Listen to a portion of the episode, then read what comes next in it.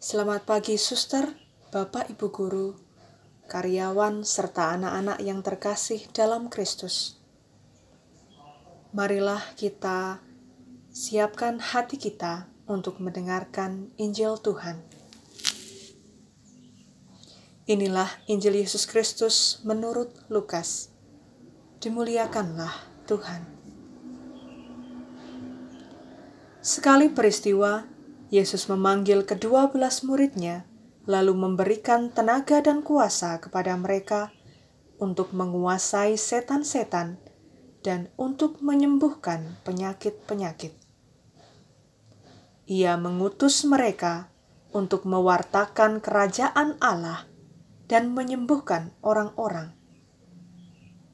Yesus berkata kepada mereka, Jangan membawa apa-apa dalam perjalanan.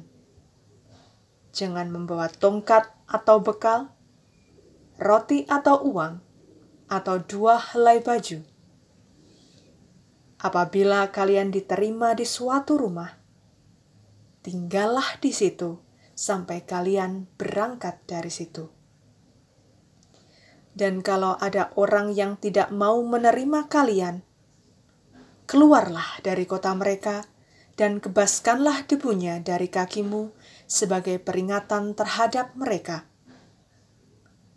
Lalu pergilah mereka dan menjelajah segala desa sambil memberitakan Injil serta menyembuhkan orang sakit di segala tempat. Demikianlah Injil Tuhan. Terpujilah Kristus.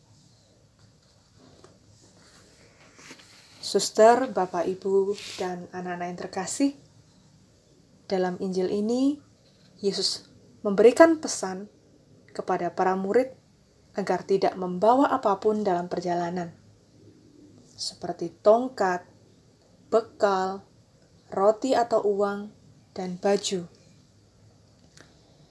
Injil ini mengingatkan kita bahwa dalam setiap karya pewartaan kerajaan Allah, kita perlu melepaskan atau meninggalkan segala sesuatu yang membuat kita terbelenggu.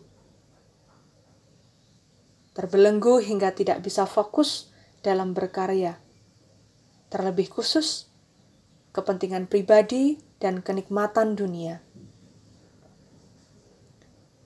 Kita semua diajak untuk berserah kepada Tuhan dengan percaya akan penyertaan Tuhan karena dengan percaya kita mampu setia dan fokus dalam bekerja dan belajar.